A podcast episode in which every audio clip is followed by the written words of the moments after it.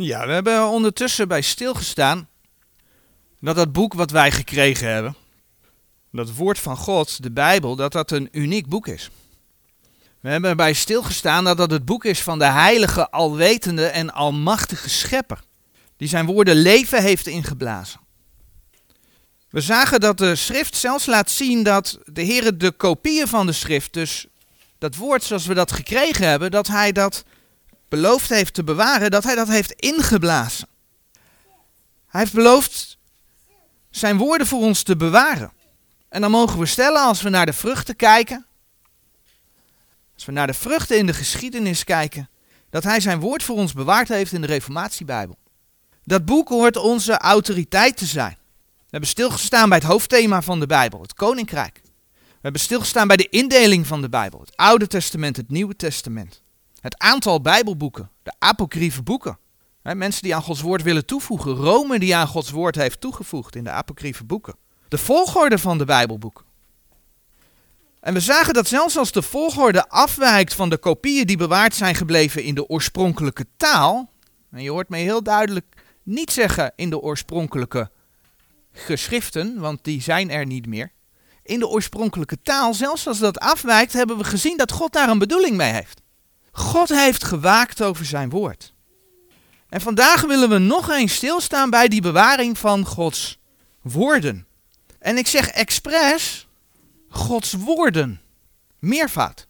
vaak hoor je dat mensen een geloofsbeleidenis aanhangen.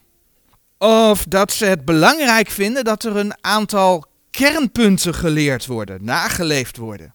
Of dat men aangeeft dat de Bijbel bepaalde gedachten heeft bepaalde gedachten bevat. Maar de Bijbel is geen boek van kernpunten die belangrijk zijn. En ook niet een boek van gedachten. De Bijbel is in het geheel Gods woord. En we hebben al wel eerder stilgestaan bij de tekst in 2 Timotheus 3 vers 16, maar laten we die nog een keer lezen. De Bijbel is in het geheel Gods woord. 2 Timotheus 3 vers 16. 2 Timotheus 3, vers 16. Al de schrift is van God ingegeven.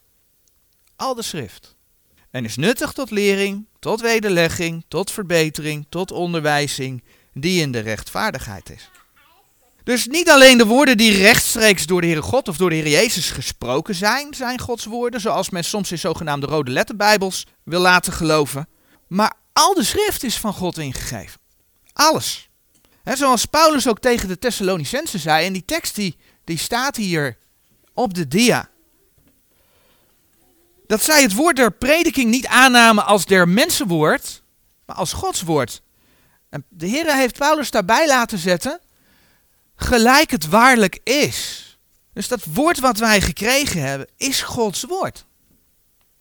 Maar zoals gezegd staat in de titel van morgen heel bewust Gods woorden.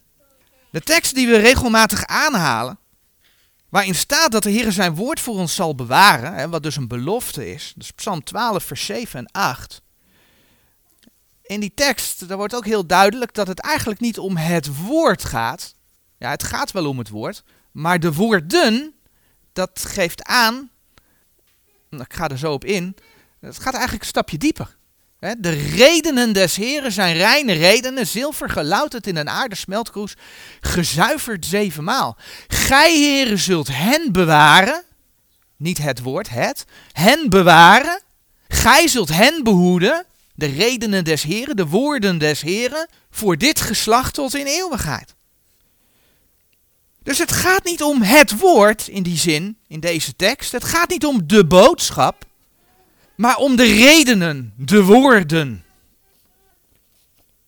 En als voorbeeld, als voorbeeld het volgende. Men zou kunnen stellen dat de Bijbelse boodschap voor de gemeente is dat de Heer de mensen wil redden. Nou, dat is heel Bijbels, hè? De Heer wil mensen redden. Dat is heel Bijbels. Dat zou je een kernpunt kunnen noemen. Een Bijbels kernpunt. Maar hoe doet de Heer dat dan? Nou, als je dat kernpunt alleen belangrijk vindt, dan is de letterlijke verwoording in de Bijbel, hoe je dat met woorden vormgeeft, minder belangrijk. Ik bedoel, we hebben vandaag een hele hoop vertalingen op een rij. En zeker de BGT maakt duidelijk dat ze niet zo'n belang hechten aan de woorden. Een zin die eerst uit 10 woorden bestaat, bestaat opeens uit 30 woorden. Om dingen te omschrijven en om er dingen in te leggen. Dat is de BGT. Dus als een kernpunt belangrijk is, dan is de letterlijke verwoording in de Bijbel minder belangrijk. Nou, men zou dan kunnen bedenken, dit is dus niet iets wat ik als waarheid verkondig, dit is een voorbeeld. Even heel duidelijk gezegd dat niemand schrikt.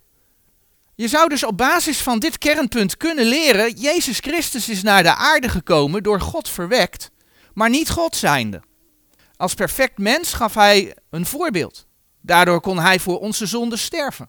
Wij hebben nu de opdracht om dat perfecte voorbeeld na te volgen. En van daaruit kunnen we hopen om gewekt te worden op de nieuwe aarde en anders blijven we eeuwig dood. Tot zover het voorbeeld. Komt niet regelrecht uit de Bijbel, is, is ook niet wat ik leer, is even een voorbeeld. In dit voorbeeld blijft het kernpunt dat de Heer mensen wil redden overeind staan. Maar ondertussen zit er een hoop onbijbelse standpunten in. Bijvoorbeeld dat de Heer Jezus niet God was. Bijbel zegt duidelijk dat Heer Jezus God geopenbaard in het vlees was. Bijvoorbeeld, een ander onbijbels standpunt wat erin verwerkt zit, is dat we uh, voor een kans om op de nieuwe aarde te leven, dat perfecte voorbeeld moeten navolgen. En bijvoorbeeld dat mensen die dat niet doen, eeuwig dood blijven. Allemaal standpunten die de Statenbijbel, die het woord van God tegenspreken, maar de boodschap van het kernpunt blijft gehandhaafd. En we lezen in dit voorbeeld niets over bekering, niets over wedergeboorte, niets over geestelijke besnijdenis enzovoort. Bijbelse zaken die wel met redding van de mens te maken hebben. Nou, het voorbeeld wat ik gaf is enigszins uit de duim gezogen, maar er zitten hier en daar wat Jehovah-achtige, Jehovah's getuigenachtige punten in verwerkt. Maar de Jehovah's getuigen, om die dan maar te nemen, die hebben de Bijbel aangepast. Die hebben een eigen vertaling om hun standpunten te kunnen leren. Maar dat geldt net zo goed voor alverzoeners. Dat geldt net zo goed voor mensen die de hyperbedelingen leren aanvolgen. Die zijn ook bezig, daar heb ik voorbeelden van gezien, om ook de brieven van Paulus opnieuw te vertalen. Want ja, dan sluit het toch iets beter bij mijn leren aan. Want dat is wat je krijgt. En zo geldt het eigenlijk voor alle nieuwe vertalingen. Men past de woorden aan terwijl men erop let dat de kernpunten uit een geloofsbeleidenis of uit diverse geloofsbelijdenissen erin blijven. Maar zo kun je met de Bijbel alle kanten op. Nou, het is niet voor niks dat we in een tijd van afval van geloof leven, want een ieder doet eigenlijk maar wat. Er is geen autoriteit. Je pakt de vertaling die jou het beste uitkomt. Maar dat men zo werkt, ja, dat klopt niet. Het is ontstaan door een blind vertrouwen in een zogenaamde christelijke wetenschap. En door er geen rekening mee te houden dat die Satan, die duivel, die vijand van God, al vanaf het begin, Genesis 3 vers 1, bezig is om vraagtekens te stellen bij dat woord van God. Daar houdt de wetenschap geen rekening mee. Nee, vind je het gek? Die zijn instrumenten in de hand van die vijand. Om twijfel over dat woord te zaaien. Maar als je wederom geboren bent en de Heer gelooft, dan kan dit geen stand houden. Waarom niet?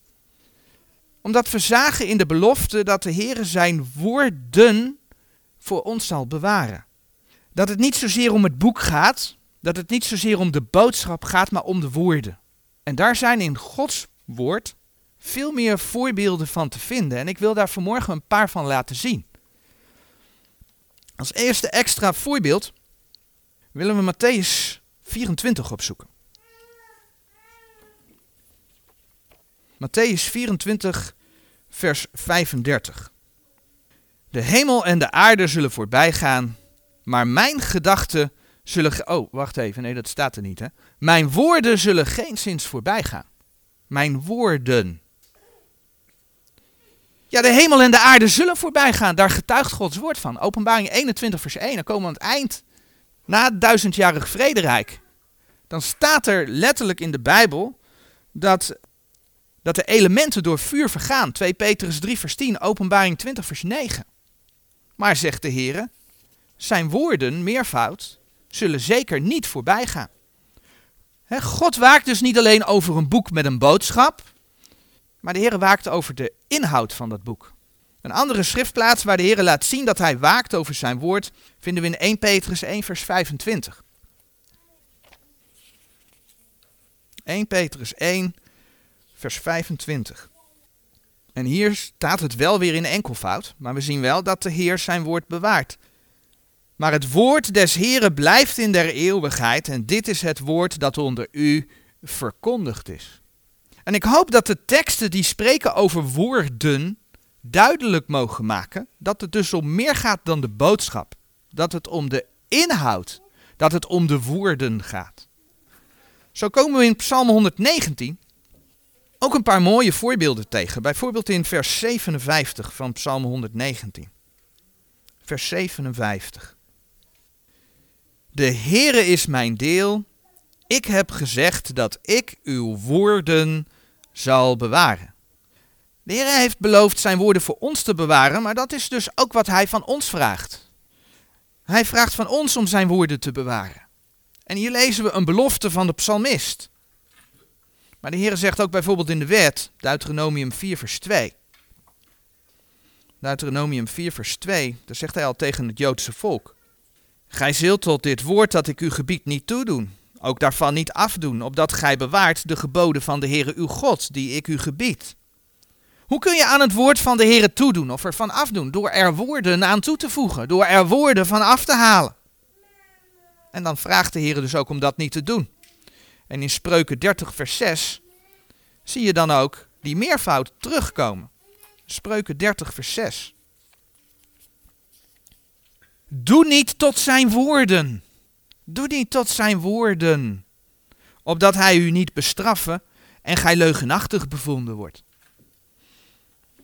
En als je dan weer doorbladert naar openbaring 22 vers 18 en 19, daar zie je die meervoudsvorm ook terugkomen. Openbaring uh, 12 zei ik geloof ik, openbaring 22. Openbaring 22 vers 18 en 19.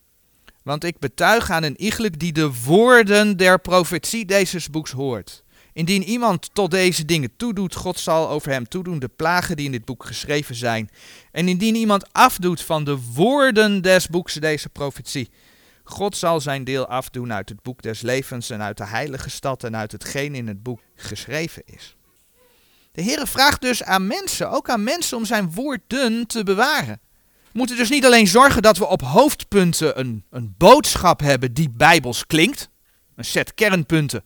Zo van, nou, als ik daar in ieder geval voor sta, dan is dat goed. En dan maakt de rest niet meer uit. Nee, het gaat om de inhoud van het woord. Hij vraagt ons te leven naar zijn naar zijn woorden. Zo spreken wij als we, dan komen we terug bij Psalm 119. Als we de Bijbel gaan lezen, zeggen we vaak, laten we het, het woord van God openen. Laten we Gods woord openen. En dat is ook bijbels hoor, om dat te zeggen. Maar het mooie is, als je Psalm 119 vers 130 leest, dat we met het openen van het woord, dat we zijn woorden openen. Psalm 119 vers 130. De opening uw woorden geeft licht. De slechte verstandig makende. De opening uw woorden geeft licht. De slechte verstandig makende. Dus we openen niet alleen een boek waarin een boodschap van, op hoofdlijnen, van God op hoofdlijnen bewaard is gebleven. Maar we openen Gods woorden. Hij heeft over de inhoud gewaakt. Zo heeft de Heer, de Heer heeft Israël als voorbeeld gegeven. Dan bladeren we naar Jeremia 26. De Heer heeft Israël als voorbeeld gegeven. We weten hoe Israël in de verstrooiing is gegaan nadat zij de Messias verworpen hebben. Ook hoe zij geleden, hoe het volk geleden heeft, bijvoorbeeld in de grote, uh, dat gaat nog komen in de Wereldoorlog 2. Allemaal omdat de Joden hun Messias verworpen hebben. Kun je in Deuteronomium 28 lezen. God heeft zijn volk gewaarschuwd. En ja, er komt herstel. Maar pas aan het eind van de grote verdrukking als zij de Messias wel hebben aangenomen.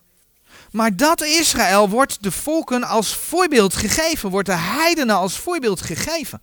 En dan lezen we in Jeremia 26, vers 2 en 3, dat de profeet Jeremia een opdracht krijgt. Jeremia 26, vers 2 en 3. Zo zegt de Heere, sta in het voorhof van het huis des Heren en spreek tot alle steden van Juda, die komen om aan te bidden in het huis des Heren. Al de woorden die ik u geboden heb, tot hen sprekende, doe er niet één woord af.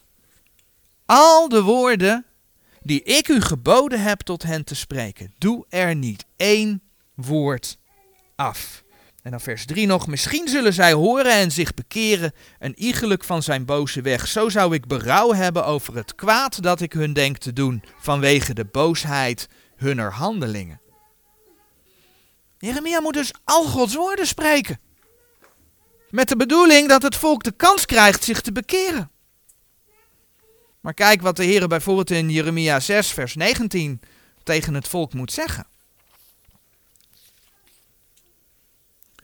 Jeremia 6, vers 19 hoort toe, gij aarde, zie, ik zal een kwaad brengen over dit volk, de vrucht hunner gedachten, want zij merken niet op mijn woorden. Het is dus niet zozeer dat ze niet aan een boodschap voldoen, maar het gaat om zijn woorden. Zij merken niet op mijn woorden en mijn wet, die verwerpen zij. Israël heeft de woorden van de Heer verworpen. Zij vertrouwden niet op de Heer. Dat gold onder Jeremia, dat gold toen de Heer Jezus op aarde was. En daardoor zagen zij de profetieën niet in vervulling gaan. Daardoor verwierpen ze de Messias, omdat zij niet op zijn woorden merkten. Maar zo gaat het ook in de gemeentebedeling, de tijd waar wij in leven. We worden opgeroepen, 1 Petrus 4 vers 11, om te spreken als de woorden Gods. Dus we moeten niet spreken over gedachten, we moeten niet spreken over kernpunten, kernpunten uit een boodschap, maar we moeten spreken als de woorden Gods. 1 Petrus 4, vers 11. Indien iemand spreekt, die spreken als de woorden Gods. Indien iemand dient, die dienen als uit kracht die God verleent, opdat God in alles geprezen worden door Jezus Christus, welke toekomt de heerlijkheid en de kracht in alle eeuwigheid. Amen. En 2 Timotheus 1 vers 13, die staat op de dia. Daar zegt Paulus tegen Timotheus, houd het voorbeeld der gezonde woorden, die gij van mij gehoord hebt, in geloof en liefde die in Christus Jezus is. Houd het voorbeeld der gezonde woorden. En zoals we eerder zagen, was Paulus het evangelie der genade Gods door de Heer Jezus zelf geopenbaard. Hè? Gelaten 1 vers 12. Dus die gezonde woorden, dat zijn Gods woorden. Maar mensen hebben die woorden verworpen. En zelfs mensen die zich christen noemen, willen soms nog wel iets noemen wat, uh, lezen wat ze dan een Bijbel noemen. Het liefst in Jip en Janneke taal. Gods woorden worden continu aangepast. Mensen willen wel in mooie gedachten geloven en dan denkt men, ach, de kernpunten kom je toch ook wel in die nieuwe, nieuwe vertalingen tegen. Maar Gods woorden bewaren, ho maar. En zo maken ze een eigen boodschap naar hun eigen inzicht. En ja, die grote verdrukking die gaat niet voor niets over deze aarde komen. De Heer stuurt zijn toren hè, te lezen in openbaring. Het gaat komen over alle ongehoorzaamheid. In Efeze 5, de eerste verse, daar wordt gesproken over de werken van het vlees. En dan lees je in Efeze 5, vers 6, de tekst staat op de dia, dat u niemand verleidde met ijdele woorden. Ijdele woorden. Want om deze dingen komt de toren Gods over de kinderen der ongehoorzaamheid. Net als in het Oude Testament, daar lees je dat er vaak valse profeten waren. Valse profeten die zeiden, God heeft gesproken. Vrede, vrede. Terwijl God helemaal niet vrede, vrede preekte, want God zei, bekeer je. die, die, die, die profeten die zeiden in de naam van God te spreken, maar ze brachten Gods woorden niet. Dat hoor je ook nu heel vaak. Dat moet je anders brengen. Ach weet je, God is een God van liefde, die straft niet. Nee, dat geloof ik niet. Geloof ik niet. Nee, God straft niet, joh. Nee, je moet niet over de hel praten. In een wereld vol van nieuwe vertalingen, in een wereld van theologie die eigenlijk alle lieflijke woorden, want die zijn er ook, die alle lieflijke woorden van de Heer uit de context heeft gehaald, geïsoleerd, dan hou je een boek van, ja, in de ogen van mensen lieflijke woorden over. Daarmee veranderen ze de waarheid. Romeinen 1, vers 25. Daarmee veranderen ze de waarheid waardoor het woorden uit de context worden ijdele woorden. En ja, als je dan de waarheid verkondigt in die wereld, dan word je niet voor liefdevol aangezien. De meeste profeten zijn ook gestenigd, gedood, die Gods woorden wel brachten. Allemaal voorbeelden uit het Oude Testament. En misschien worden we vandaag niet letterlijk gestenigd, maar je wordt wel, als het even kan, monddood gemaakt. Dat is wat ze proberen. Daarover gaat Gods toren komen. Romeinen 3, vers 4. Romeinen 3, vers 4 zegt dat zij verre, doch God zij waarachtig, maar alle mens leugenachtig, gelijk als geschreven is, opdat gij gerechtvaardigd wordt in uw woorden. Weer meervoud, hè? Mooi, hè? God wordt gerechtvaardigd in zijn woorden en overwint wanneer gij oordeelt. De Heer wordt dus gerechtvaardigd in zijn woorden. Als hij gaat oordelen op basis van zijn woorden, dan zal hij overwinnen. Maar het is dus niet op basis van kernpunten.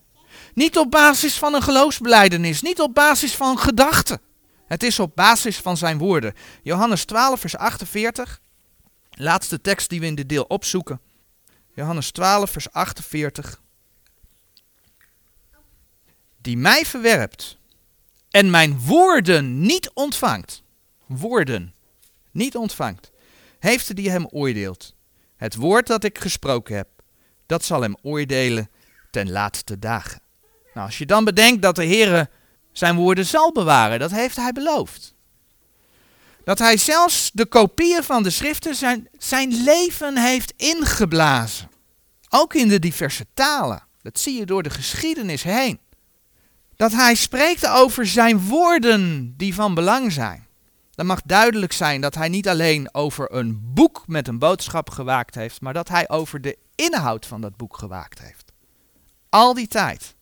En dat zal hij blijven doen, want zijn woorden bestaan in eeuwigheid. Amen.